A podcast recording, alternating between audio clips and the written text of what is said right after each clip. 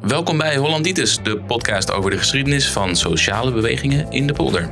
Ik ben Jeremy en tegenover mij zit Kees. Wij zijn jullie hosts. Deze aflevering gaan we het weer hebben over de kraakbeweging. Heb je deel 1 nog niet geluisterd? Doe dat dan even, want uh, het is best leuk. En anders begrijp je niet wat we vandaag allemaal gaan bespreken. De vorige aflevering ging over de opkomst van de kraakbeweging, uurstakingen, de hippies, de provo's, de jaren 70, staatsliedenbuurt, Grote Keizer, de Vondelstraat, de provincie Utrecht, Nijmegen, Groningen, Den Haag, het platteland. Het is allemaal aan de orde gekomen. Vandaag in deel 2 gaan we het hebben over de neergang van de kraakbeweging.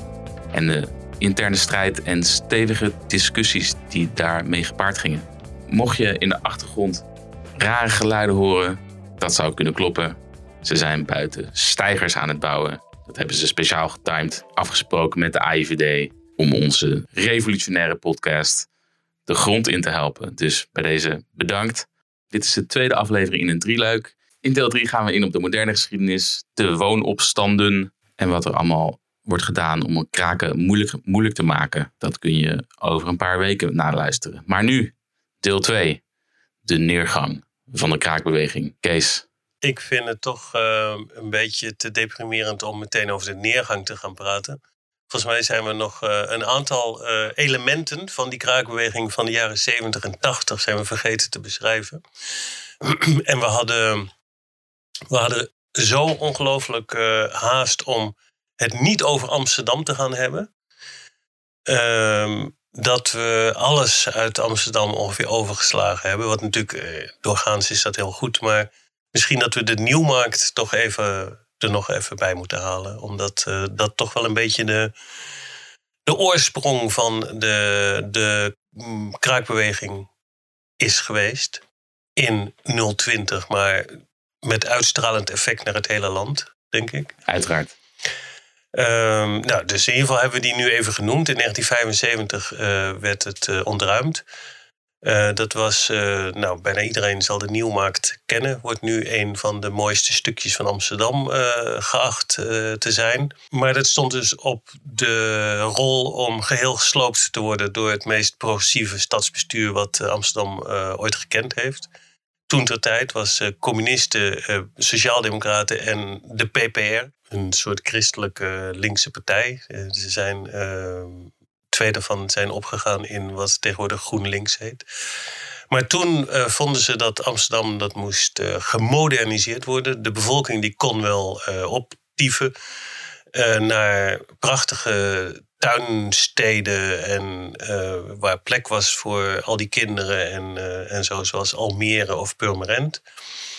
En dan zou de plek die daarvoor vrijkomt, die zou ingenomen worden door allemaal prachtige kantoorpanden en vooral veel snelwegen. Dat was het idee om dat dwars door de Nieuwmarkt te gaan eh, aanleggen. In den beginnen waren de bewoners uh, met fris tegenzin uh, vertrokken naar vervangende huisvesting of nieuwe huisvesting. En die panden die kwamen leeg te staan. En een gedeelte van de bevolking die weigerde. Die zei van dat gaan we niet doen.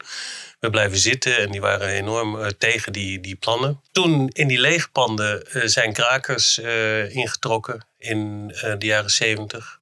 En dat werd al redelijk snel werd het een soort, ja, soort vrij plaats binnen in de stad. Met heel veel infrastructuur en de befaamde hangbruggen die over de grachten gebouwd werden tussen gekraakte panden die door bouwvakkers aangelegd waren. Zo, het werd allemaal een beetje geheroïseerd ook allemaal, maar in ieder geval er was veel steun uit uh, buurt en omgeving. De gemeente die slaagde er niet in om dat uh, te veranderen. En die heeft uiteindelijk uh, de boel moeten ontruimen. Met, dat zijn waarschijnlijk de eerste echte kraakrellen in, in Amsterdam geweest. En dat was in 1975. Maar goed, de, daar de oorsprong van de, de kraakbeweging in Amsterdam uh, ligt gedeeltelijk daar. Want een grote groep mensen is uh, vanuit de Nieuwmarkt, toen ze ontruimd werden, naar de staatsliedenbuurt toegegaan. En met het idee, vooropgezet idee, om daar een soort kern van, van kraakpanden te,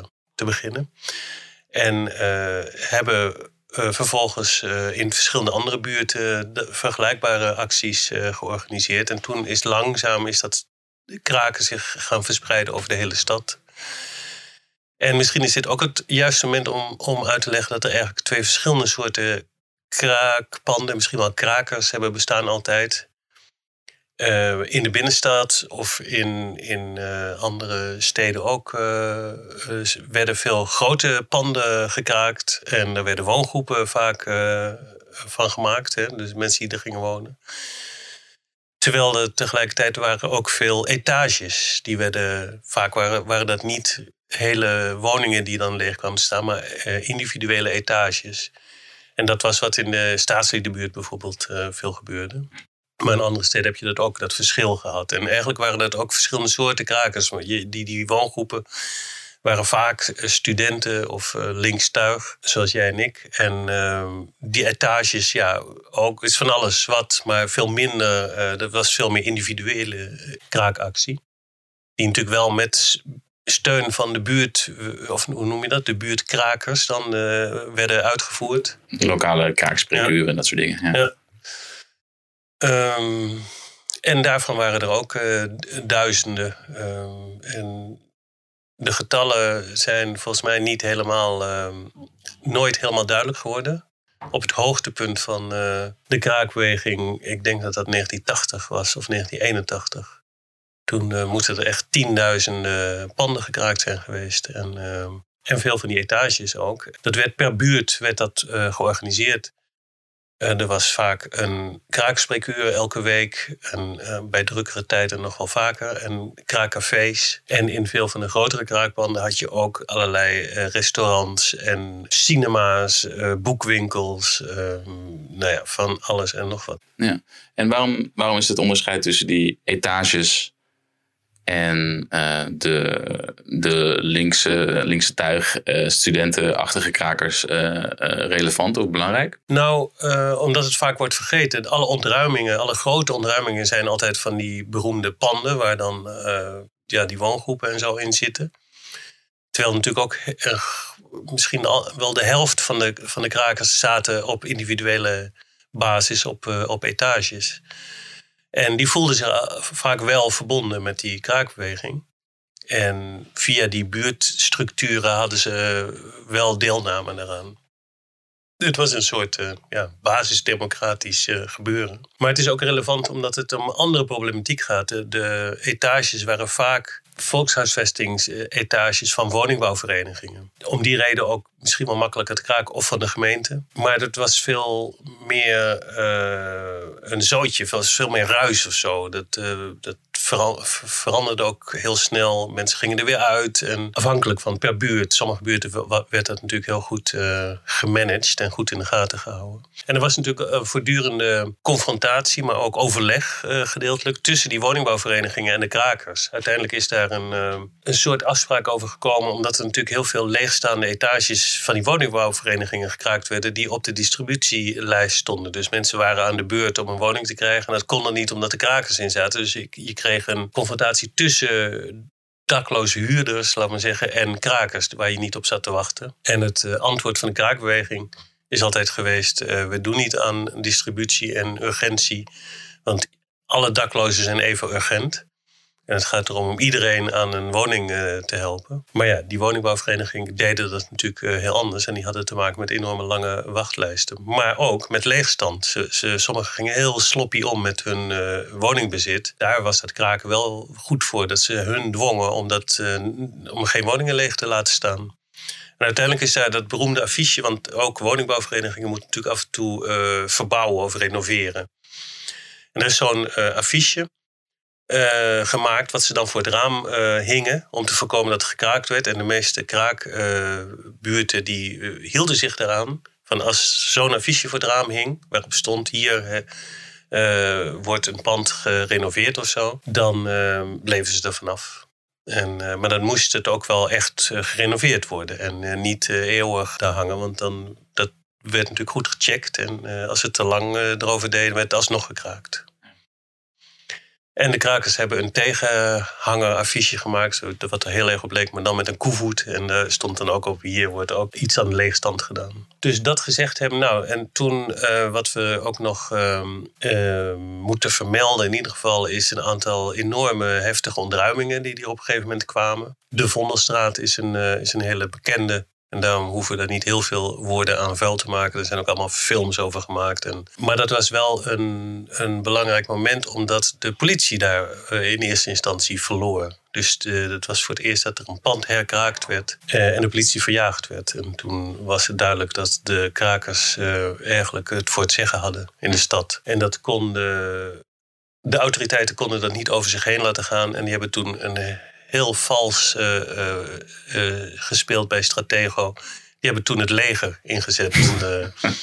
ja, met tanks kwamen die. En, en pamfletten die uit de lucht werden gegooid. Dat als ze iets tegen die tanks zouden doen, dat ze dan beschoten zouden worden. dus ja, dan ehm, dan zijn de machtsverhoudingen die zijn weer enigszins hersteld. Maar uh, anders dan uh, op Wikipedia, als je daar gaat kijken hoe dat uh, verslagen wordt, de, vastgelegd wordt, de vondelstaat, is het pand helemaal nooit ontruimd. Dus is uiteindelijk is er een soort deal gesloten toch dat de barricades ontruimd werden door die tanks, maar het pand zou niet, zou niet binnengevallen worden. En het is eigenlijk tot lang, uh, of noem je dat? Tot, tot recentelijk is het door woongroepen bewoond geweest op een van de duurste plekjes van Amsterdam. Maar uh, toen we laatst eens gingen kijken uh, in het kadaster, toen bleek dat het ondertussen door de woningbouwvereniging verpatst was en dat er een projectontwikkelaar eigenaar van geworden is. Of zo'n hedge fund, weet ik, weet ik niet meer. Een ander belangrijk uh, gebeurtenis is de kroning. En de koningsrellen vooral. En die waren, die waren een maand na die, uh, al die commoties uh, om de Vondelstraat. En er waren nog een aantal andere grote panden in de stad die gekraakt waren. En die hetzelfde lot dreigden. Waaronder de Vrije Keizer, daar hadden we het eerder over. Vijf panden op de Keizersgracht die uiteindelijk aan de krakers gegeven zijn door de gemeente.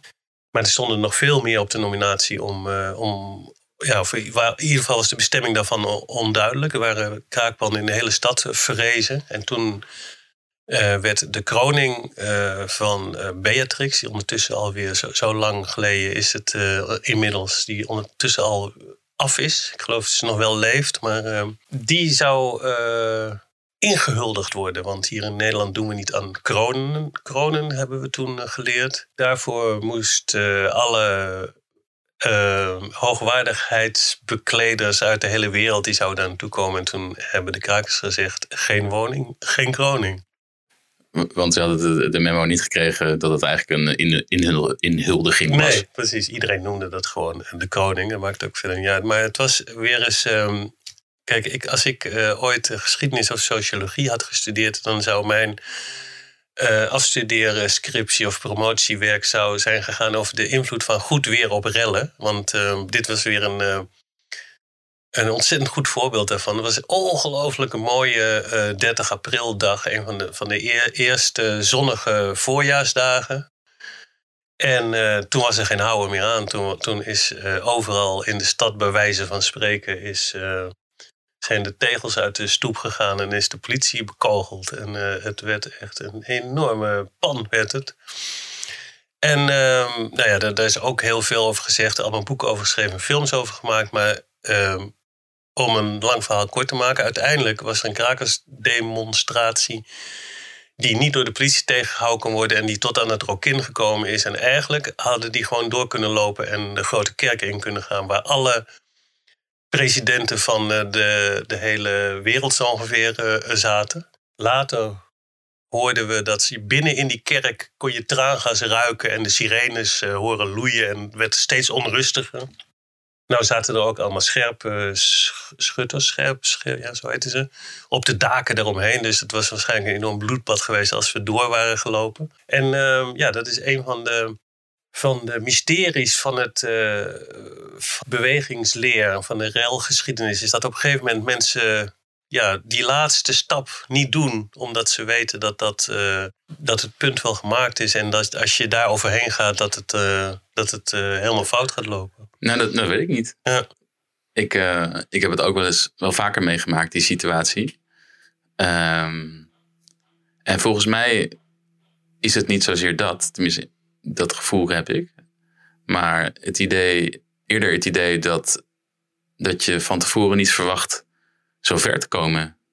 Of dat, dat het überhaupt mogelijk is dat je de, de plannen die je maakt hè, om zoiets te, te stoppen of uh, tegen te houden of uh, te blokkeren of wat dan ook, dat het daadwerkelijk gaat lukken.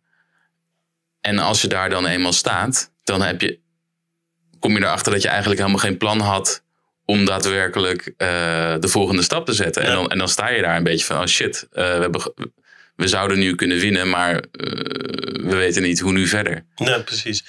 En het is eigenlijk is dat nog een te, mooie voorstelling van zaken, want er was helemaal geen plan. Het was gewoon. Ja, het, het, het, is eigenlijk een soort spontaan proces of een organisch groeiend geheel. Een groot gedeelte van de mensen die meedoen met het aanvallen van de politie zijn ook helemaal geen krakers. Het zijn ja, omstanders of mensen die uh, voor de spanning en sensatie er naartoe zijn gekomen en zo. Of mensen die ter plekke ontzettend boos werden en ook hun terrasstoel bij de poten gepakt hebben en begonnen zijn met mappen. En ja, dus dat is een ongeorganiseerd meute, zou je kunnen zeggen. Die, ja. En soms komen daar goede plannen uit voort en soms slechte en soms helemaal niks. Uh, maar goed, in ieder geval, dit, uh, het was wel een enorme bak uh, geweld was het toen. Van de, van de kant van de, van de demonstranten ook. Maar het was begonnen weer, zoals altijd, doordat de politie aanviel. Namelijk, er, was het, er waren wel plannen hoor. Want het plan was namelijk om zoveel mogelijk panden te kraken op die dag. Omdat ze wisten dat de politie met de veiligheid bezig was. En dat is ook gebeurd. Ik, ik denk, misschien is dat wel de dag dat de meeste panden, in ieder geval in Nederland, tegelijk gekraakt werden. Echt tientallen grote panden. En bij één daarvan, en er was een, eh, een festijn in het Safati Park. Dat was min of meer door de, door de, de minder militante krakers was dat georganiseerd. Zo van laten we ons niet uh, in de val laten leiden tegen die politie. Laten we gewoon onze eigen festijn organiseren. En uh, dat was net op gang gekomen. En toen werd daar rond verteld dat de kraak van Tetterode in de Kinkerstraat... dat daar de politie aan het optreden was met ME en paarden. En toen is iedereen daarheen gegaan. En toen sindsdien is het nooit meer rustig geworden. Dus als die politie dat niet had gedaan toen... was het misschien heel anders verlopen. Misschien dat ze luisteren. Maar dan kunnen ze ook eens wat leren ervan. Misschien hebben ze dat wel gedaan. In ieder geval waren er tal van. Ja, de, de, de anekdotes zijn, zijn zeer talrijk over die dag. Eentje daarvan is dat er was heel veel ME uit de andere steden was, was binnengehaald. En die liepen met kaarten van Amsterdam liepen ze te zoeken naar waar ze ook alweer waren. En dan werden ze ergens op afgestuurd en dan wisten ze niet hoe ze moesten rijden. En dan uh, ook hadden uh, sommige krakers die hadden de straatnaambordjes uh, weggehaald met koevoeten, waardoor ze echt helemaal niet meer wisten waar ze zaten. En vervolgens werd door puur toeval werd de antenne van de centrale communicatieauto van de ME die werd eraf ge gegooid, waardoor ze geen verbinding meer konden maken met al die troepen in verschillende buurten. Dus toen, was toen moesten ze gaan verschillende ME-commandanten werden gesignaleerd terwijl ze met kwartjes uh, in telefooncellen bezig waren om te proberen het hoofdbureau van politie te bellen. Uh, ja, dat, dat... 25 uh, eh, gulden centen. Precies, een, een kwart gulden.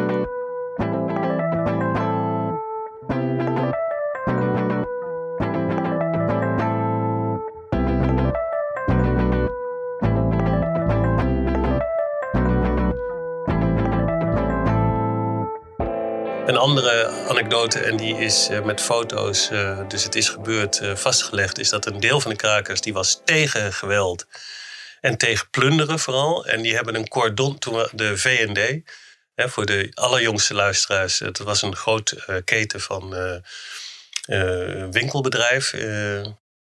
waar je alles kon kopen, in tegenstelling tot bij de HEMA, waar je ja, dus, uh, een soort uh, uh, bol.com, maar dan in een winkel. Precies, hele grote winkels hadden ze waar je alles kon kopen. van boeken tot en met schoenen en apparatuur en weet ik veel wat. Nou, en de, alle ruiten lagen eruit bij de grootste VND-vestiging in Amsterdam. En toen hebben De lieve krakers, uh, die, die, geen bivakmutsen opzetten en niet met stenen naar de politie gooien, die hebben een cordon gevormd. Hand in hand zijn ze om de VND gaan staan, zodat die niet geplunderd zou worden. Dit is, vind ik toch altijd nog, ik vertel het graag, zeker aan mijn buitenlandse uh, veteranen, vrienden. En die, dan valt hun mond altijd uh, open, want dat was bij, bij hun beweging, zouden die allemaal in elkaar geslagen zijn door want was het plunderen, ja, was juist de bonus die je kreeg bij, uh, bij Rellen. Was dat je dan met een uh, nieuwste model koffiezetapparaat of zo mee naar huis kon, uh, kon nemen. En hier was een gedeelte van de krakers, was, ehm, ja, die was daar tegen. En ehm, er ontstonden dan ook allerlei discussies wel. Het, het, was niet heel ehm, afwijzend hoor. Over de nieuwe militantie. Het waren de autonomen. Die, we hadden het in de vorige uitzendingen kort over. Zwart helm op en bivakmuts. En gaan met die banaan die uh, steeds meer het voortouw kregen in uh, kraakbewegingen. En dat is gedeeltelijk ook een uitleg van waarom uiteindelijk uh, die kraakbeweging weer versmalt en, en minder populair wordt. En mensen daar. Maar mm, aanvankelijk was dat eigenlijk was er geen echte contradictie tussen dat hoorde er nou eenmaal bij. En als je panden wou beschermen en behouden, misschien deed je er niet aan mee, maar je, dat, je was wel blij dat uh, dat, dat ook uh, gebeurde. En het zorgde inderdaad ervoor dat de politie drie keer moest nadenken voordat ze een pand ontruimde. En er is een tijd geweest dat het ook, laten we zeggen, heel snel te mobiliseren was, deze militantie. Dus dat ook de verrassingsaanvallen of semi-heterdaad-ontruimingen via de alarmtelefoon uh, gecounterd konden worden. Doordat er heel snel een grote groep mensen voor zou gaan staan. Die ook wist wat ze moesten doen. Die snel uh, ageerden en, en, de politie uh, op een afstand hield, laat het zo zeggen. Maar het nadeel is natuurlijk een vechtcultuur, machismo en, en nou ja, iedereen kent de de schaduwzijden van, van een beweging die uh, te veel gaat mikken op, uh, op, op zo'n manier zich wel te kunnen handhaven. Nou, leg eens uit. Wat, wat is die schaduwzijde precies? Nou, de, de uh, ik zal een voorbeeld geven waarin dat heel erg tot uiting kwam. Het is tegelijkertijd een, misschien de laatste grote rel in Amsterdam geweest. Dat was de Lucky Luik. Lucky Luik was een pand in de Jan Luikenstraat bij het Museumplein. Uh, hele grote file. Uh, en die was, stond leeg en werd gekraakt. Was van een, uh, een corrupte notaris. Josje Slis Stroom. Die is er ook voor de bak heen gedraaid. Vanwege malversaties met vastgoed. Dat pand werd gekraakt en is vervolgens keihard ontruimd door een knokploeg van de heer Luske. Luske kennen we later van de ADM. Uh, dat was ook zo'n zo'n mengeling van een uh, maffia, hoe noem je dat? Misdadiger, knokker en vastgoedhandelaar. Omdat, ehm, zoals we vorige keer uitlegden, de wet niet meewerkte met huiseigenaren om panden snel ontruimd te krijgen, werd er steeds meer met knokploegen gewerkt. En het waren dan vaak van die jongens met veel te veel spierballen en testosteron uit de, uit de gym, uit de hoe noem je die plekken? Tegenwoordig doet iedereen dat. Maar toen was het vooral uh, een bepaald soort. Uh, de sportschool. De sportschool, precies. Um, en toen uh, was de, de regel, de ongeschreven regel binnen de kraakbeweging was: wij staan geen ontruimingen van knokploegen toe. Als dat gebeurt, dan wordt het onmiddellijk herkraakt. Want anders is, en dat was, klopt ook wel. Want anders zou je al je panden kwijtraken. Want bijvoorbeeld de Telegraaf, die stond te juichen. Het stond op de voorpagina uh, over hoe eindelijk de huiseigenaren zich hadden georganiseerd en die vuile krakers uh, terugpakten. en toen is de herkraak van de die is op uh, bijna militaire manier is die georganiseerd. Met trainingen en allemaal groepen met helmen op en katapulten en weet ik veel wat. Want ze wisten, die Luske die schiet ook. Hè? Die, die, die iedereen wist. Hij heeft, had toen, dus hij is zelf doodgeschoten op een gegeven moment door een andere crimineel. Uh, maar hij had op het Rembrandtplein in Amsterdam had hij zo'n imperium van, uh, van, van allerlei nachtclubs en zo. Dus als je dat gaat herkraken, dan weet je dat je iets uh, gevaarlijks doet. En toen, er zijn ook wel filmpjes van dat je ziet hoe die herkraak uitgevoerd werd met schilden boven je hoofd en zo. Want ze wisten dat er dingen uit het raam gegooid konden worden. En die ramen die werden met, door speciale groepen met katapulten werden die beschoten om te voorkomen dat die knokkers daar uit konden gaan hangen. Covering, cover fire noemen ze dat toch? Ja. En, um, wow. Ja, en toen hebben ze, zijn ze eruit uh, uitgegaan, die knokkers. Die, die hebben een vrijgeleide aangeboden gekregen.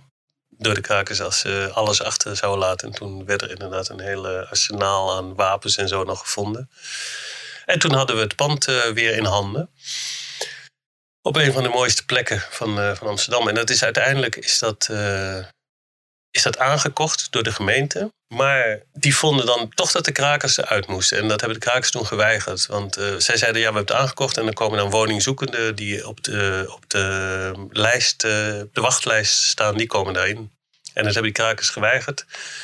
Omdat ze zeiden van, ja, wij, dit is ons. Wij hebben dat uh, met gevaar voor eigen leven en erop. En toen is het ontruimd. En toen werd het rellen in de hele stad. En toen is de, de befaamde tram, ik geloof drie in de fik uh, gevlogen. Niet gestoken, zoals onmiddellijk. Uh, dat was puur uh, ongeluk. En zo. En dat was een rel die eigenlijk niet meer te begrijpen was. Want mensen in de stad en het parool, die, die een belangrijke rol altijd speelt in al discussies. En toen had je nog een lokale radiozender, Stad Amsterdam die bij de Vondelstraat uh, en bij de Kroningsrellen voor enorme goede journalistiek had, uh, had gezorgd. En die, en die, waren toen waren ze niet meer op hand van de krakers. Die zeiden van waarom zou je de hele stad gaan verbouwen terwijl het pand gewoon ja, voor andere woningzoekenden dan. En toen uh, was de stemming die was zo slecht dat dat besloten werd om een huis-aan-huiskrant te maken. En die in de hele stad uh, te gaan uh, verspreiden door de kraakbeweging. Maar dat waren, dat waren eigenlijk waren dat diezelfde nette krakers als die dat cordon om uh, de VND hadden georganiseerd. Het effect van de krant, ik weet niet, ik vond het wel heel knap om, om alle 700.000 bewoners van Amsterdam zo'n krant te, te bezorgen, bij wijze van spreken. Alle buurten waren verdeeld heel veel effect zal die niet gehad hebben. Wat stond er dan in die kant? Ja, uitleggen van waar, hoe dat zat. En over knokploegen en hoe die tram in de fik was geraakt eh, en zo. Want dat is natuurlijk wel iets wat heel symbolisch is voor... Iedereen zit altijd in de tram. Als jij het beeld uh, gaat verspreiden, wat de Telegraaf dan deed... Uh, dat die krakers gewoon die tram met, met passagiers en al in de fik hadden gestoken en zo... dan heb je echt een, een imagoprobleem. Nou ja, dat was, je zou kunnen zeggen dat dat misschien het begin van het einde van de kraakbeweging is geweest. En die heeft te maken met ook uh, ja, militair denken eigenlijk. Uh, wat ook gebeurde was dat de, ja, de sfeer door de autonome beeldvorming en, en tactieken en denkbeelden of zo in kraakbanden anders werd. En vrouwen eh, er ook over klaagden dat het alleen nog maar over, uh, over ontruimingen en, en de politie te lijf gaan en zo ging. En uh, dat allerlei andere discussies ondersneeuwden. Dus ja, dat soort effecten.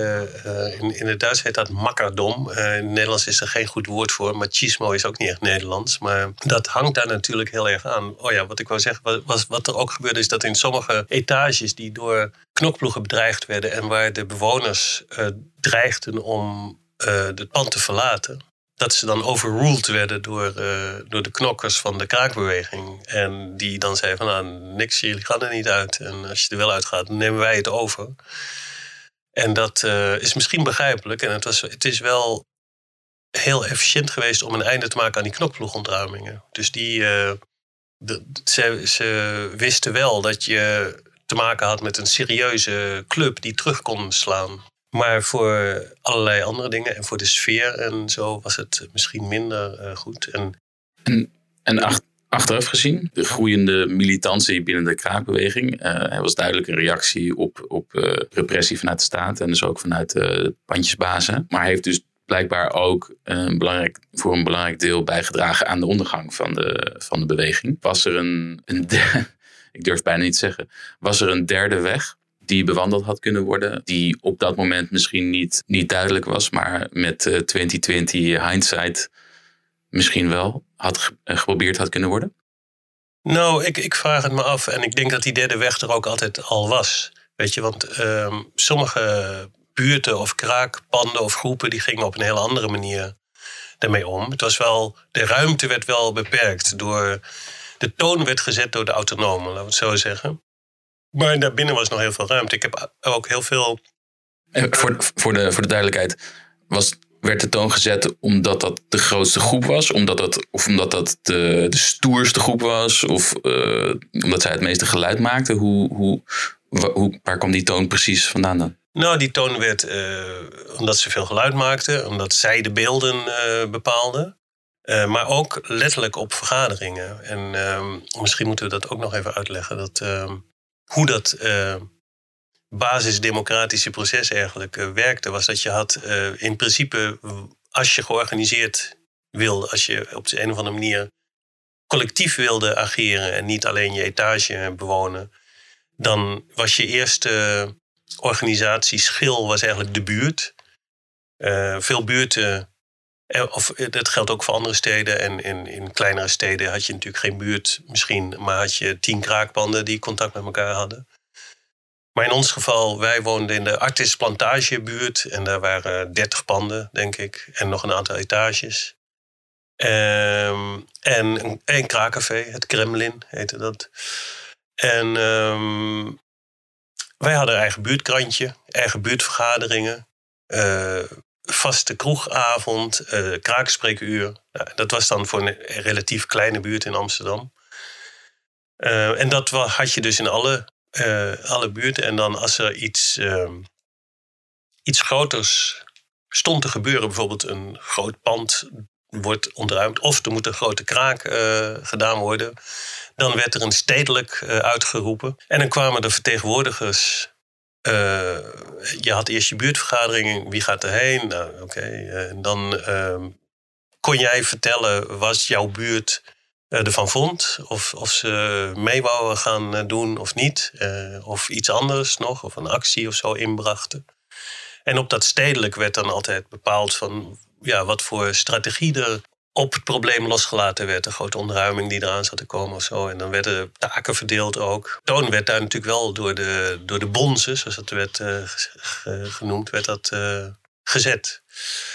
En er was ook uh, een geheim, of niet zo heel geheim, bonzenoverleg op een gegeven moment. Het waren soort leidertjes van een kraakbeweging die met elkaar gingen, bepaalde dingen gingen, gingen bespreken. En Waar een groot gedeelte van de andere krakers dan uh, helemaal niet mee eens waren. En die negeerden dat uh, dan volledig, of niet. Maar daar werden natuurlijk wel ja, knopen doorgehakt. En besloten dat er nu een affiche moest komen over dat en dat. Of uh, bijvoorbeeld beroemde was ook het pausbezoek. Kwam op een gegeven moment in 84 geloof ik. Nou, en toen in het begin was daar niemand mee bezig. En op een gegeven moment werd er bedacht, de paus is ook een, een vijand. En daar moet je wat tegen doen. Want katholieke kerk is heel erg. Of daarbinnen waren allerlei problemen. En toen werd besloten om met z'n allen naar Utrecht te gaan om te proberen het pausmobiel in de gracht te duwen. En het is niet helemaal gelukt, maar wel met een groot aantal ME'ers. Die zijn wel in de gracht beland toen. Ik ben, ik ben ook wel benieuwd. Ik heb wel veel, wat ik veel gelezen of, um, over militante bewegingen en uh, opkomst en neergang in de, in de Verenigde Staten. Bijvoorbeeld de Black Panthers uh, of de Young Lords, de Students for Democratic Society en later de Weather Underground.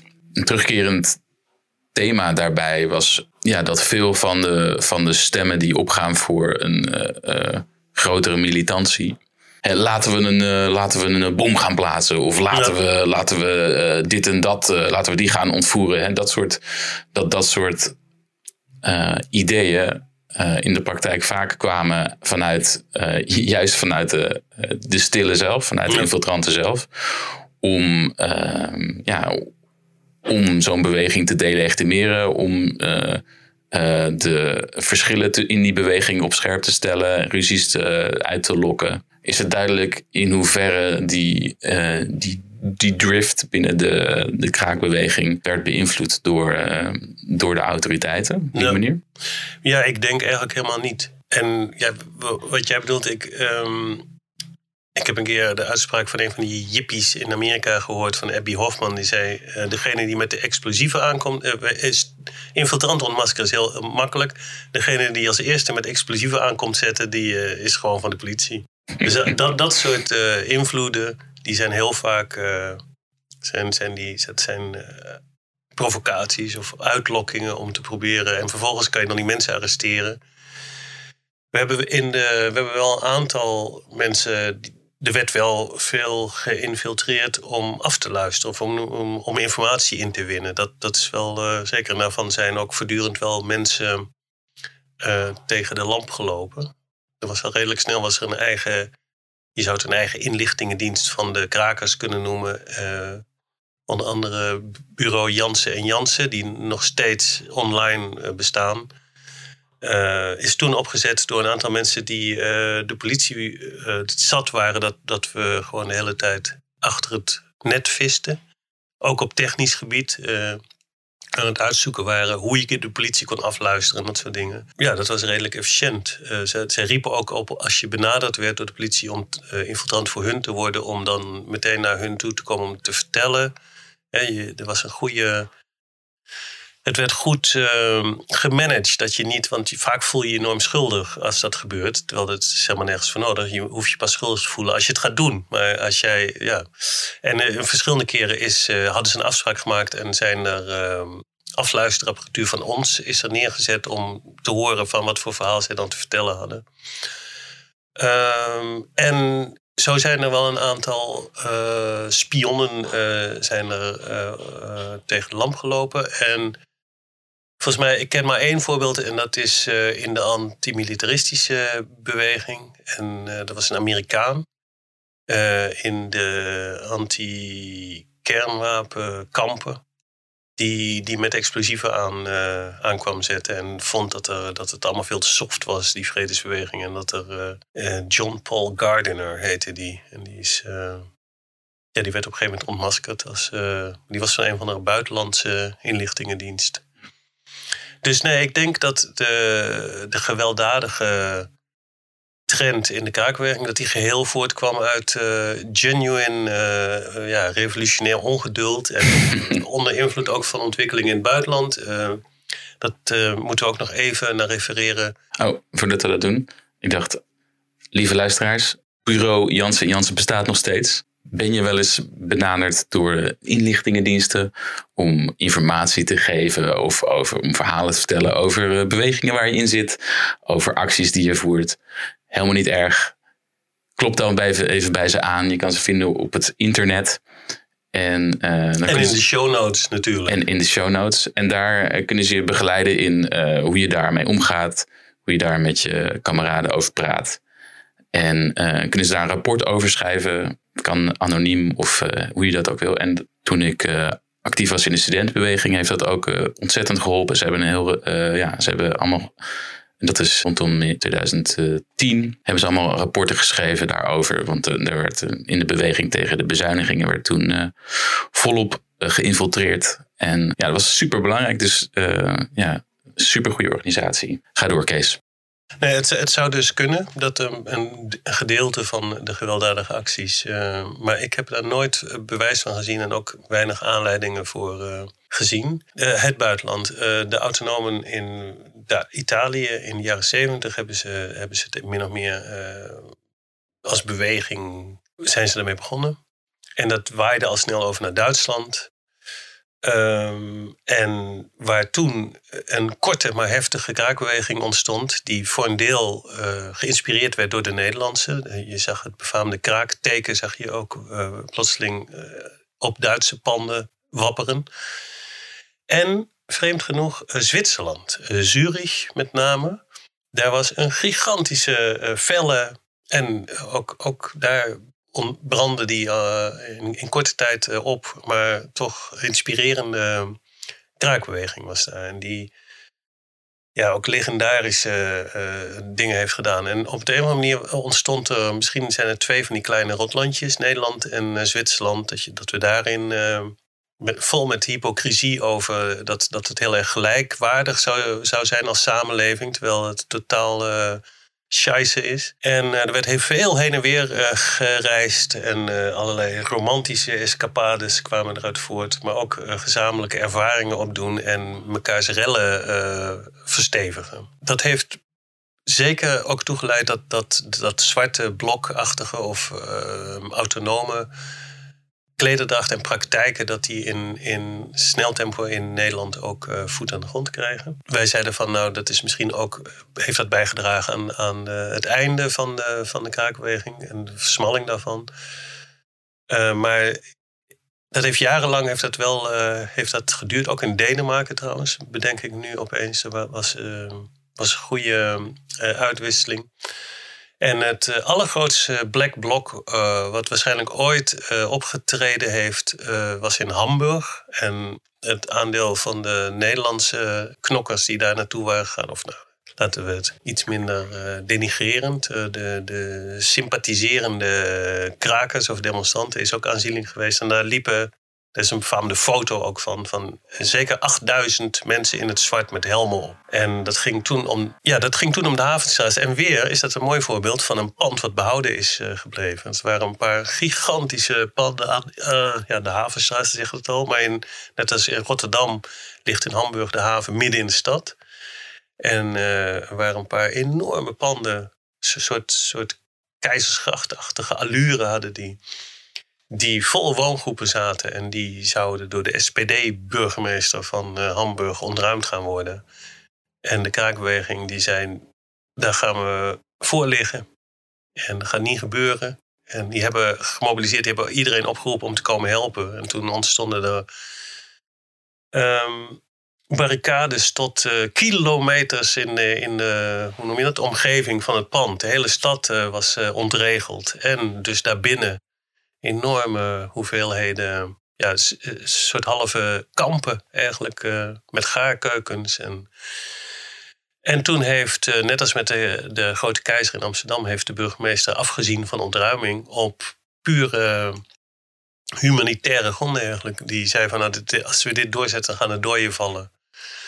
En toen is er gaan on, onderhandeld en het gaat dan eerst altijd over het weghalen van de, van de barricades. Want dan kan het verkeer weer, uh, weer gaan. En uh, in ruil daarvoor werd de voorlopige uh, ontruiming uitgesteld. En een soort halve belofte van dan gaan we onderhandelen over aankoop. En zo is de boel weer ontscherpt. En uiteindelijk, de, de panden staan er nog steeds. Ik ken nog mensen die er wonen. En ze zijn nog steeds heel zichtbaar vol graffiti en revolutionaire leuzen. En uh, het is echt. Uh, dus um, het is niet alleen uh, die militantie die, die levert ook uh, dingen op. Ja, want, zeker in het begin van zo'n van zo'n opleving van militantie kan het juist ook mensen aantrekken. Die denken van, oh, dit zijn echt mensen die dingen doen. die krijgen shit voor elkaar. Super spannend natuurlijk. Maar je, je hebt ook een bepaald type die daartoe aangetrokken uh, voelt. En dat zijn natuurlijk uh, al snel eerder, eerder mannen, al snel eerder de macho's. Dus ja, het, het, het heeft ook echt een impact op het karakter van een beweging, zoals je net al omschreef. Ja. Nee, de kunst is, en het wordt bijna nooit gevonden eigenlijk, in de balans tussen dat je naar buiten toe wel hard kan toeslaan. En dat het naar binnen toe toch uh, zorgzaam en, en al die belangrijke dingen die, uh, die vaak knokkers niet, uh, niet, niet zien en zo. En dat, ja, dat, je, je ziet het soms wel hoor. Je ziet, en dan valt het des te meer op. Dat, ik heb altijd die Berlijnse beweging bijvoorbeeld in vergelijking met de Nederlandse heel erg open en vriendelijk en ja, gezien. Die Nederlandse stugge, stoere houding van krakers, die geven elkaar niet eens een hand, weet je. En uh, laat staan dat je ooit eens informeert naar uh, hoe het gaat of zo. Dat, dat is daar helemaal niet. Ja, misschien ook door de kracht van de, de feministische beweging in, in Duitsland, die ja. een tegen, tegenpol konden bieden tegen dat machismo en uh, de andere aspecten van een, van een beweging, de, de reproductie van zo'n beweging ja. voorop stelden. Ja, en, en denk ik, het feit dat het redelijk snel gedaan was met die kraakbeweging, maar wel uh, als sociale beweging, uh, de antagonistische beweging, zoals de Italianen dat noemen, wel doorging, heeft er ook aan bijgedragen. Misschien wel juist door het, het blijven voortsudderen uh, van. Deze discussie is duidelijk te, te, de IVD te belangrijk heeft, om heeft gewonnen. ja.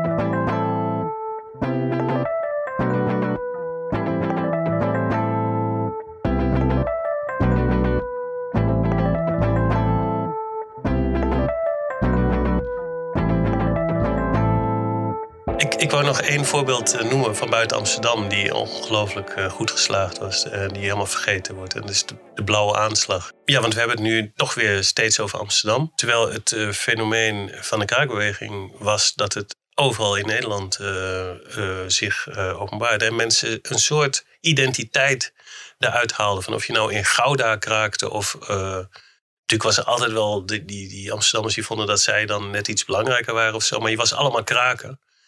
En er waren ook landelijke bijeenkomsten of protesten of weet ik wat, waar dat allemaal bij elkaar kwam. En dat is ook een gedeeltelijk een uh, effect van die autonome cultuur en klederdracht. Was dat je er op een gegeven moment allemaal hetzelfde uitzag. Dus jij kende elkaar aan de, ja, aan, de, de patches op de, op de broek en dat soort uh, dingen. Um, en alle steden e-, echt. Uh, ik denk niet dat er één is waar geen kraakpand is geweest. En, en vele waar er heel veel waren.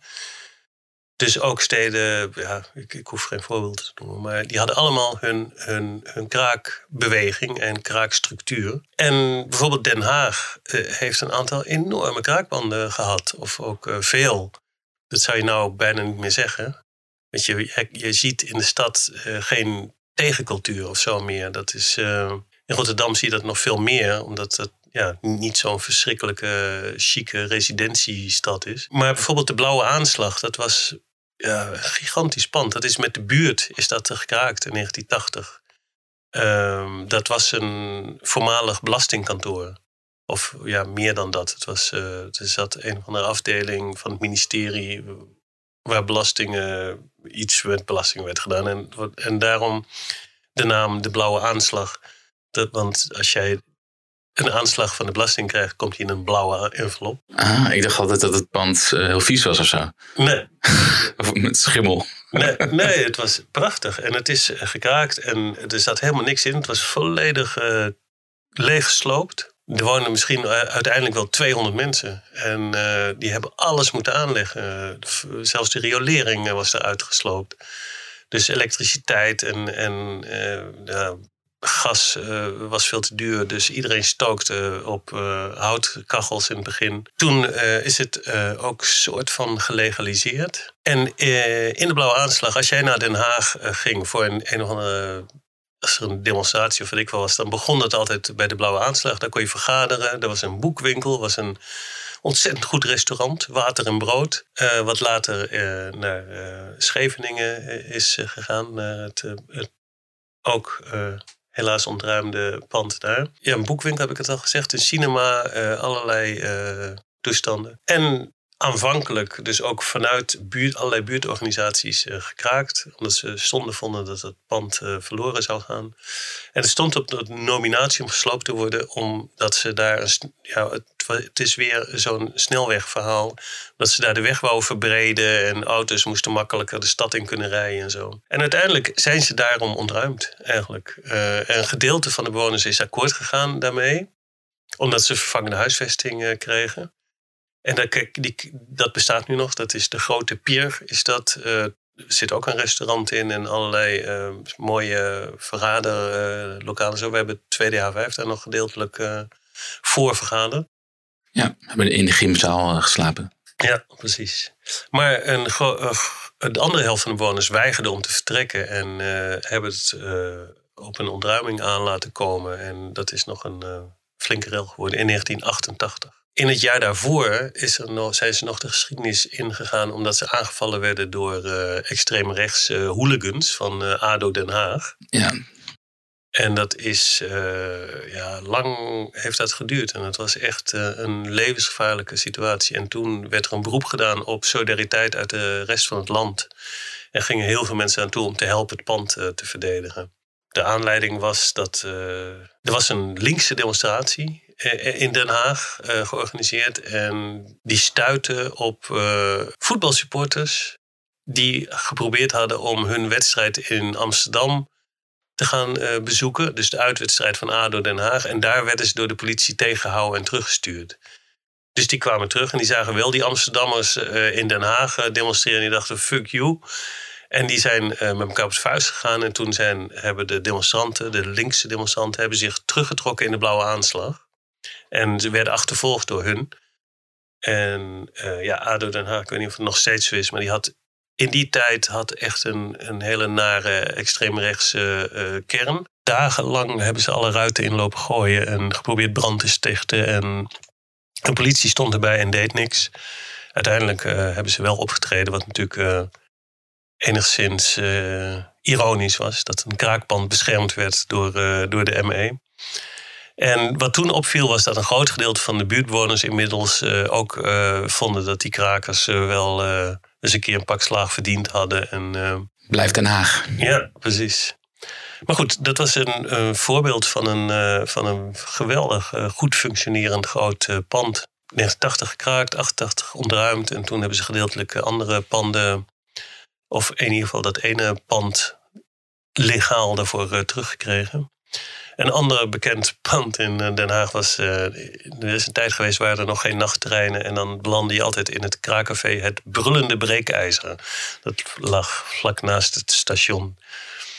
Uh, en ook een actiezender in Den Haag. Een, een hoe noem je dat? Een kraakradiozender.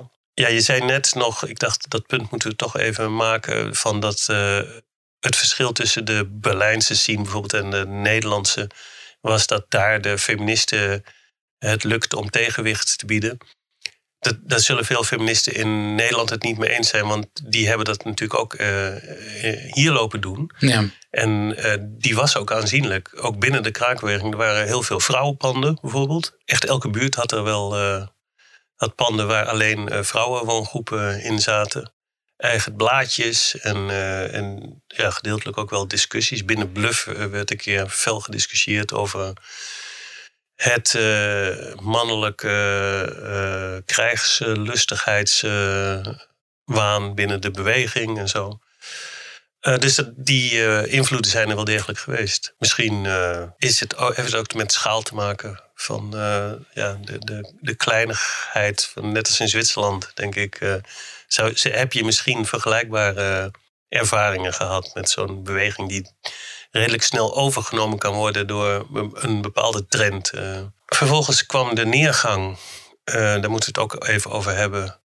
Ehm, denk ik. Dat is, uh, hebben onze luisteraars beloofd. Dus ik denk het meest in het oog vallende onderdeel van die neergang was het ontstaan van, hoe ze zichzelf zelf noemden, de politieke vleugel van de kraakbeweging. Want die zagen die neergang ook. En in plaats van dat ze die aan factoren uh, toedeelden als uitleg uh, waar ze zelf schuldig aan waren, deden ze het omgekeerde. Ze zeiden van ja, dat komt omdat die kraakbeweging, die bestaat voor een groot deel ondertussen uit liberale studenten en grutters Ehm, die gewoon niet geïnteresseerd zijn in echte revolutionaire woonstrijd, maar alleen maar hun eigen woningje willen, willen scoren. En, en zelfs bereid zijn, dat was een van de aanleidingen waardoor ze begonnen om bij processen, bij ontruimingen, uh, je, kameraden erbij te verlinken. Uh, want dat gebeurde uh, in toenemende mate. Een befaamd voorbeeld was de ontruiming van Wolters Noordhof in, ehm, in Groningen. Een groot pand waar, veel uh, hardcore punks en zo in zaten. En dat, uh, dat werd een onsmakelijke ontruiming waar veel mensen gearresteerd werden en, en, gewond raakten. En een gedeelte van hun is bij politieverhoren gaan vertellen dat zij het niet waren, maar die en die. En ehm, ja, dat hoort natuurlijk niet. Zij zagen daar een trend in. Wij dachten van nou, het is vooral slechte voorbereiding. Weet je, je moet mensen uh, duidelijk maken dat het, dat het een risico is dat je opgepakt wordt. En hoe je je dan vervolgens moet, uh, moet opstellen. Ja, een kleine les voor de luisteraar weer. Uh, als je wordt opgepakt, praat je nooit met de politie. Nee, het helpt ook nooit. je kan wel met je advocaat praten. En dan, maar ook die, afhankelijk van nooit de piketadvocaat eh, accepteren, maar een advocaat van je eigen keuze. Als jij onverwacht in een situatie komt waarvan je denkt van oei, dit kan ik niet uh, verantwoorden of zo, dan moet je gewoon weggaan. En niet eh, blijven zitten en dan opgepakt worden en op het politiebureau bedenken dat je dit niet kan verantwoorden. Want dat is wat er veel gebeurde. Dus er werd gezegd van ja, het is de laatste, de laatste dag van ons pand. We gaan een feestje houden, kom je ook? En dan bleek dat ze gewoon allemaal bleven wachten tot de politie aan de deur zou verschijnen. En zonder andere mensen uitgelegd te hebben, allemaal op projectielen van het dak uh, naar beneden ging lopen gooien. Waardoor de politie echt wit heet binnenkwam en iedereen in elkaar sloeg. En ja, dan, als, je dat, als dat je eerste ontruiming is, zoals in sommige gevallen het geval was, dan sla je wel door. Als je niet eh, heel uh, stevig in je schoenen staat en vaak naar dit programma geluisterd hebt. Dus dat was wat er gebeurde. Maar die PVK die dacht van dit is een trend. En die heeft een zwart boek gemaakt van allemaal mensen die iets verklaard hebben tegen de politie. En uh, er stond een, een befaamde foto voorop van ja, ik heb nooit helemaal goed begrepen of zij nou echt uh, een soort uber-provocateurs zijn of dat ze dat serieus menen. Maar in ieder geval was iemand die op een soort uh, Syrische manier verhoord werd met een blinddoek om. En iemand erachter stond met een pistool op zijn hoofd uh, om hem af te knallen. en het heette Parels voor de Zwijnen. En er werd gezegd van als je meewerkt met de politie is dit je, is dit je lot. Dus hun idee was we gaan de kraakbeweging hervormen, heroprichten. Want dit was, een, dit was een, een, een boek die ze hadden uitgegeven of een pamflet? Ja, het was een soort brochure, maar wel, ja, het was net uh, ja, tussen een brochure en een boek in. Ja, en op de kast uh, stond dan een plaatje van, uh, van zo'n van zo'n pistool op een hoofd. Ja, precies. En er stonden met naam en toename de, mensen, lijsten van mensen die iets hadden misdaan en de straffen. En dat, die straffen varieerde van dat ze een maand niet meer in kraakcafés mochten komen, tot uh, totale uitsluiting, uh, uh, weet je, nooit meer, weet ik veel. Dus dit was een beetje voor, de, voor de jongere luisteraar, was dit, dit boek een soort van Twitter? Ja, ja, ja. Dat zou je kunnen zeggen. Hoewel bij Twitter is het veel vergankelijker dan, dan dit. dit. Dit ligt gewoon in, in, in het Fort van Chaco en, en in de kraakpanden. En uh, Twitter kan je uitzetten, zo'n boek niet. Uh, dus het was echt veel bedreigender. Maar vooral, het was het werk van een aantal van die hardliners van het eerste uur. De Jack en Theo noemden we ze altijd uit de staatsliedenbuurt. En zo'n cirkeltje eromheen. Uh, ik kom af en toe nog mensen van tegen. Zij kennen mij niet, uh, maar ik hun wel. En dan uh, denk ik, ja, ja, ik, ik weet hoe je je vroeger hebt misdragen. En zij hebben altijd al een hekel gehad aan die krakers uit de grachtengordel en zo. Of andere grote panden in het land. die studenten en weet ik veel wat. En de oorsprong ligt ook eigenlijk al bij de Grote Keizer.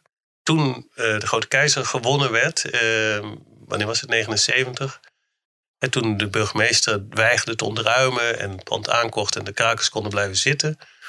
Toen dachten ze, dit is een belangrijk moment waarin een kraakbeweging zich kan profileren. En die hadden daar een heel mooi, in het souterrain, een heel mooi informatiecentrum over kraken hadden ze gemaakt. En uh, dat zou geopend worden met uh, veel poeha en zo. En zo zou een soort ja, politieke beweging uh, geformaliseerd worden daarmee. En zij zagen voor zich dat ze dan ook allerlei onderhandelingen zou kunnen gaan voeren rondom kraakpanden elders en zo. En, en wat, wat gaf hun, hun het idee dat ze dan uh, een soort van vertegenwoordigers waren van die hele beweging? Ja, dat, dat, dat gevoel hadden ze. Dat, uh, en gedeeltelijk klopt het ook wel. Zij, zij hadden vanuit de Nieuwmarkt uh, in de staatsbuurt dingen opgebouwd. En, en, uh, en waren ook uh, actief naar andere buurten toegegaan om, om het daar ook te organiseren en zo. Maar ja, aan de andere kant zaten natuurlijk in de Grote Keizer allemaal krakers die daar helemaal niks mee hadden. En die, die hadden het gewoon zelf opgebouwd en zo. Dus het, het is heel omstreden, altijd, hun, hun leiderschapsfantasieën. Dus het was ook een soort van um, oude generatie versus nieuwe generatie naast, naast een cultuurshift. Nou, toen nog niet. Want uh, misschien dat ze iets ouder waren, maar... Uh... Nou, ik bedoel dan niet zozeer generatie qua, ja. qua leeftijd, maar de, uh, de oorspronkelijke leiders of, uh, van, van een beweging versus de nieuwe mensen die misschien uh, wat minder die oorspronkelijke ideeën navolgden of hun idee van wat een echte kraakbeweging zou, zou moeten zijn. Ja. ik denk dat vooral het verschil is tussen zij, die altijd al dat soort aspiraties hadden en enigszins Maoïstisch ook uh, aangehoogd waren, en de gewone krakers die vooral uh, kraakten en onideologisch uh, bezig gingen. Wat bedoel je enigszins Maoïstisch? Ja, ik heb nooit helemaal begrepen wat hun uh, ideologie is, is geweest. Ook als je die stukken van die PVK en zo leest, zie je dat uh, niet echt in terug. In hun ageren of zoiets is het heel erg. Uh, heeft het daar veel elementen van. Van die Maoïstische bewegingen die na mei 68 of tijdens mei 68 zijn, zijn begonnen. En die altijd het, het idee hadden van nou, die die hippies en, en jippies en zo, die weten, hebben echt geen flauw benul hoe het moet en waar het heen gaat. En wij gaan dat leiden. En een beweging heeft uh, leiderschap nodig, maar geen partij. En dat is het verschil met de communisten. Dus daarom noemen wij ze altijd maar Maoïsten. En uh, ja, ik heb, ik heb het nooit goed gevoeld. Ik, ik, vond ze ook zo onsmakelijk dat ik uh, nooit me erin verdiept heb of zo. Ik denk ook dat niemand het heeft gedaan. Maar we zouden eens op zoek kunnen gaan naar welke linkse ideologieën ze nou uh, lazen of zo. Uh, maar in ieder geval, om een lang verhaal kort te maken van die Vrije Keizer, hun informatiecentrum is door de punks, uh, de nacht voordat het geopend werd, is dat helemaal getrashed. En dat was eigenlijk het nou, duidelijke boodschap naar hun toe van bemoei je niet, ga niet proberen dit te leiden en blijf in je, in je grachten of in je buurt. En je, je hebt niks te zeggen over die grote kaakpannen. En die punks die hadden een hekel aan dit soort. Want, want die waren eigenlijk de eerste nihilisten van de beweging. Die vonden kraken is vooral uh, knokken en, en zuipen en muziek maken. En uh, dat moet je, moet je niet een of ander links verhaal van gaan lopen maken. Dus ja, die element zit, heeft altijd in die kraakbeweging gezeten. Van een, soort ja, nihilistisch, anti-links uh, verhaal. Ik zeg niet in het geheel. Maar in, die elementen zijn er altijd geweest. Hele discutabele elementen en punkbands. Je zou bijna zeggen van die Maoïsten uit de buurt, die hebben in die zin gelijk. Weet je, dat, dat, is, dat gaat alle kanten op. Je hebt zelfs uh, extreemrechtse elementen gehad in. Het was toen een, uh, een enorme eye-opener. Dat er werd een zwarte jongen vermoord, Kerwin Duinmeijer.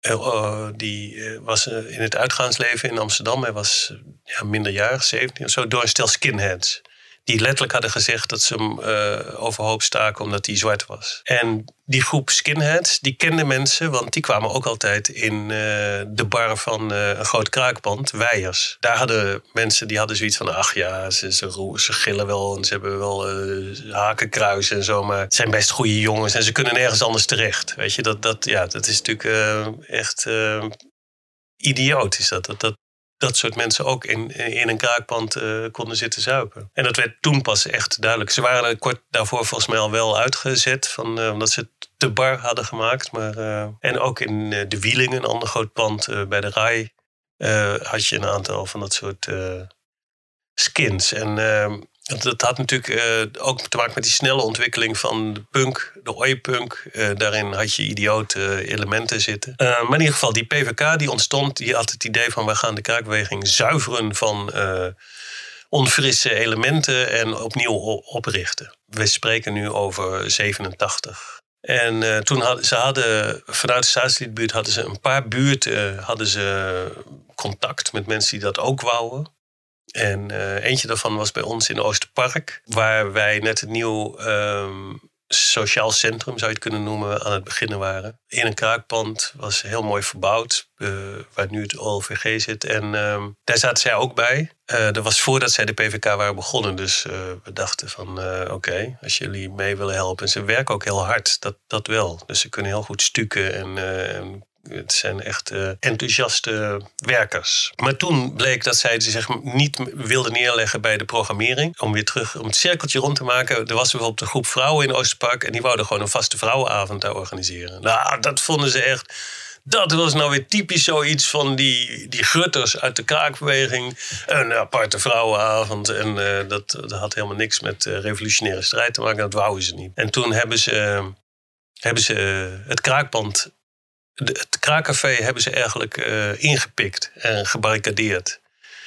En toen we dat zagen, zijn we, het, zijn we ons verhaal gaan halen. Hadden ze sloten veranderd en toen is er gevochten. En dat waren de eerste schermutselingen eigenlijk. En dat hebben ze op een paar plekken hebben ze dat gedaan. En toen is het herkraakt. En toen hebben ze uh, de mensen die zij gesignaleerd hadden bij die herkraak hebben ze thuis opgezocht en in elkaar getimmerd. En daar zat onder andere bij, dus heel vreemd, uh, dat je zou verwachten dat zij juist uh, op één lijn zaten. Mensen van een, uh, een soort boekwinkel, een revolutionaire boekwinkel, die heette Frontline.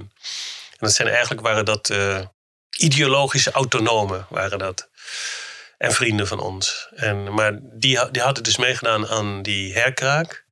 Omdat ze, ja, dat ze hadden uh, geanalyseerd dat dat echt een schandalige manier van, van optreden was. En toen hebben die PVK-types, die hebben hun kantoor binnengevallen, alles aan gort geslagen. Onder andere een hele dure kopieermachine die ze net aangeschaft hadden. En nou ja, toen ontstond er een paar maanden van een soort ja, heen en weer stellingenoorlog. En het werd steeds erger. En ehm, zij maakte duidelijk dat ze waren, voelden zich aan de winnende hand. En zij waren bezig om de kraakbeweging te reorganiseren. In plaats van uh, dat ze bedachten dat dit misschien heel slecht was voor de kraakbeweging. Dat steeds meer mensen weigerden om nog op alarm af te komen en dat soort dingen. En het is toen geëindigd toen uh, de leider van het zootje, die uh, Theo, Theo van der Giezen heet hij.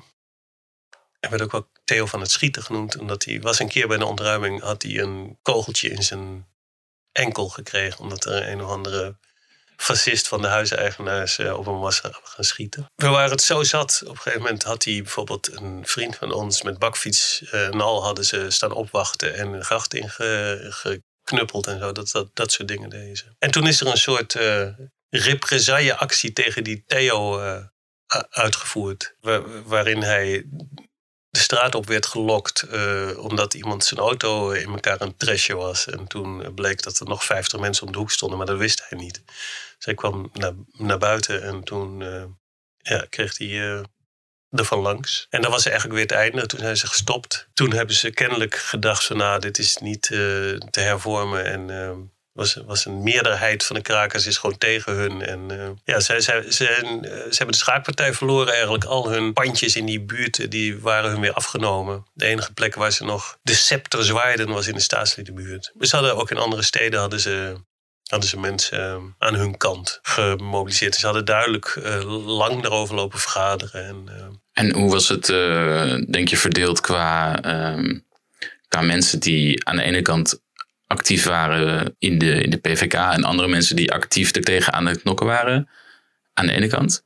En, getansmatig. ja, getansmatig. En ook hoe de, zeg maar, de mensen die passief de ene kant of de andere kant aan het steunen waren. Heb je daar een idee van? Nee, ik, heb, ik moet zeggen, ja, eh, als er echt uh, geknokt werd, dan waren de mensen die tegen hun waren, die waren makkelijk met veel meer. Mm Ze waren echt een klein groepje een soort dictatoriaal, een soort koepachtige club was het. Die ook, uh, het is altijd een beetje mysterieus gebleven hoe en wat hun nou precies dreef. Hoe dat nou zat met sympathie voor hun. Ik, kijk, het, het, gebeurt natuurlijk niet toevallig in een tijd dat zo'n beweging al lang in, in uh, neergang is. Hè? En, dat, en dan gaan mensen ja, gaan scapegoaten. Uh, noem je zoiets in het Nederlands? Zwarte schapen zoeken. Uh, en, en dan komen dit soort, uh, dit soort reacties. Als het allemaal goed gaat, dan is er ruimte voor uh, allerlei stromingen en zo. En het was al een hele tijd naar beneden aan het gaan. Onder andere is mijn analyse altijd door het succes van de kraakbeweging. Die had een einde gemaakt aan speculatie.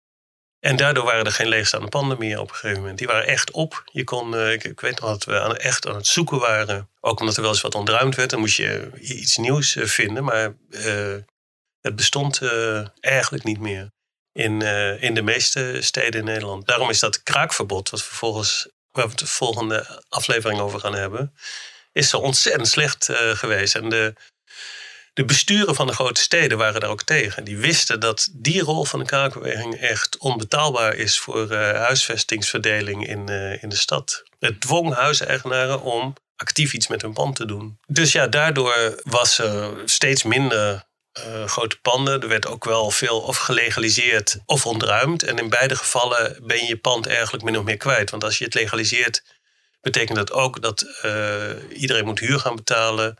Dus je gaat ook de souterrains waar vroeger de vergaderingen en de boekwinkels en zo in gevestigd werden, die ga, moet je commercieel gaan, gaan uitbaten en zo. Vaak werd er een galerie, kunstenaars kwamen erin en zo. En niet meer die politieke uitstraling die, die het had eh, toen het nog een, een, belegerd kraakpand was of zo. En andere, er zijn veel factoren Uh, andere is natuurlijk uh, dat er een einde aan de uitkeringen uh, kwam. Dus het was, was, heel moeilijk om je in een sociale beweging actief te maken waar je een groot deel van je tijd in, in zou moeten steken. Maar in de kraakbeweging was dat zeker zo. Je, die panden die moest je helemaal opbouwen. Meestal als je ze gekraakt had. En nou ja, al die bewegingen bestonden bij de gratie van dat heel veel mensen gewoon daar veel tijd in konden steken. En dat kon omdat je heel makkelijk een uitkering of een studiebeurs kon, kon, kon krijgen. En dat was op een gegeven moment, uh, werd dat afgeknepen en werd steeds minder uh, toegankelijk. En conflicten tussen uh, binnen panden, zeg maar, van de dreigt een ontruiming.